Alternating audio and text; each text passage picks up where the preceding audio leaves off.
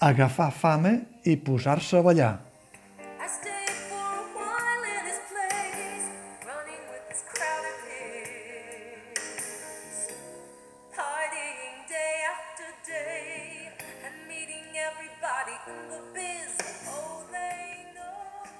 Una de les garanties de les produccions en les quals hi ha la mà de Coco Comín és fer un espectacle ben acabat. En la posada en escena del musical Fama, que ja va tenir una primera versió el 2004 i que va fer una extensíssima gira, aquesta garantia s'hi retroba novament. No és hora ara de fer comparacions amb un anterior musical dirigit per Coco Comín, Chicago. En aquella ja llunyana ocasió, el teatre era el vell Arnau, qui l'ha vist i qui el veu. Tot un clima i un ambient inimitables. Per alguna cosa li va valdre aleshores el Premi de la Crítica de les Arts Escèniques de Barcelona. L'argument de Chicago, a pesar dels anys, sempre ha continuat enganxant l'espectador, a pesar del crac cinematogràfic.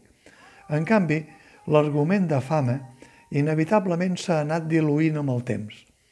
I qui sap si l'ús i abús de promocions televisives com les Operaciones Triunfo no l'han convertit en una caricaturització de la realitat.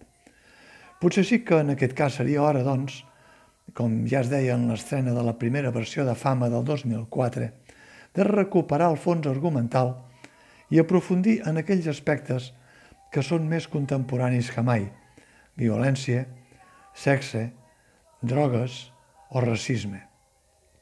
Però no siguem més famistes que fame.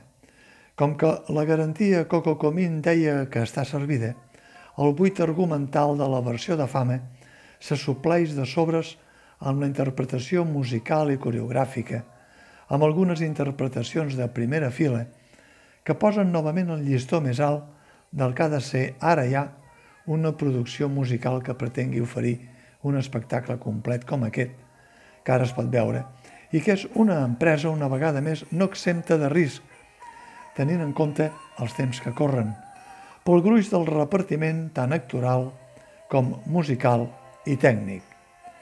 Coco Comín ha jugat obertament amb les possibilitats d'un escenari de les dimensions del Teatre Polo, com ho va fer abans amb el Teatre Tívoli, i també el mateix Apolo on hi va tornar. En aquest sentit, els espais amb doble joc al fons ofereixen alguns dels moments coreogràfics, musicals i escenogràfics més agraïts.